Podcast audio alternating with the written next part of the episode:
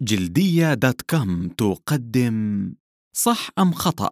شرب الماء يعالج جفاف الجلد والإكزيما. يقدمها لكم دكتور عمر شمس الدين.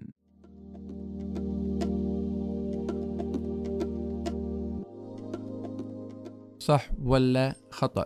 شرب الماء يعالج جفاف الجلد والإكزيما. من أكثر الأسئلة التي تصلني هل شرب ثمانية أكواب من الماء يوميا؟ كافي لعلاج جفاف الجلد أو الإكزيما؟ أنا شخصيا أسأل مرضاي لو كنت بفصل الصيف والجو حد حار وعطشان جدا شنو أول شيء يخطر ببالك أنك تسويه؟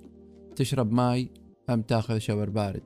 الكل راح يجاوب بأنه سيشرب الماء لأن جسمه هو اللي جاف وليس جلده الجو الجاف وغير الرطب التشمس التان الشاور الحار والطويل المدة كل هذه العوامل تسبب جفاف جلدكم وتزيد الإكزيما عند اللي يشكو منها.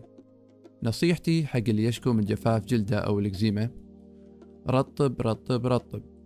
يعني عليك بالترطيب المستمر لجلدك ووضع الدهانات المرطبة على الجلد الجاف. ليش؟ لأنه راح يحسن من مظهره وشكله. وضع الدهان المرطب مرتين باليوم كفيل بأن يساهم بصورة كبيرة بالتخفيف من الإكزيما. الخلاصة كلنا متفقين أن شرب الماء ضروري بدون أدنى شك بس بنفس الوقت لا تتوقعون أنه هو العامل الوحيد الكفيل بحل مشكلة جفاف الجلد والإكزيما. قدمنا لكم تدوينة صوتية بعنوان صح أم خطأ؟ شرب الماء يعالج جفاف الجلد والإكزيما. بصوت دكتور عمر شمس الدين. استمعتم إليها عبر موقع جلدية دوت كوم.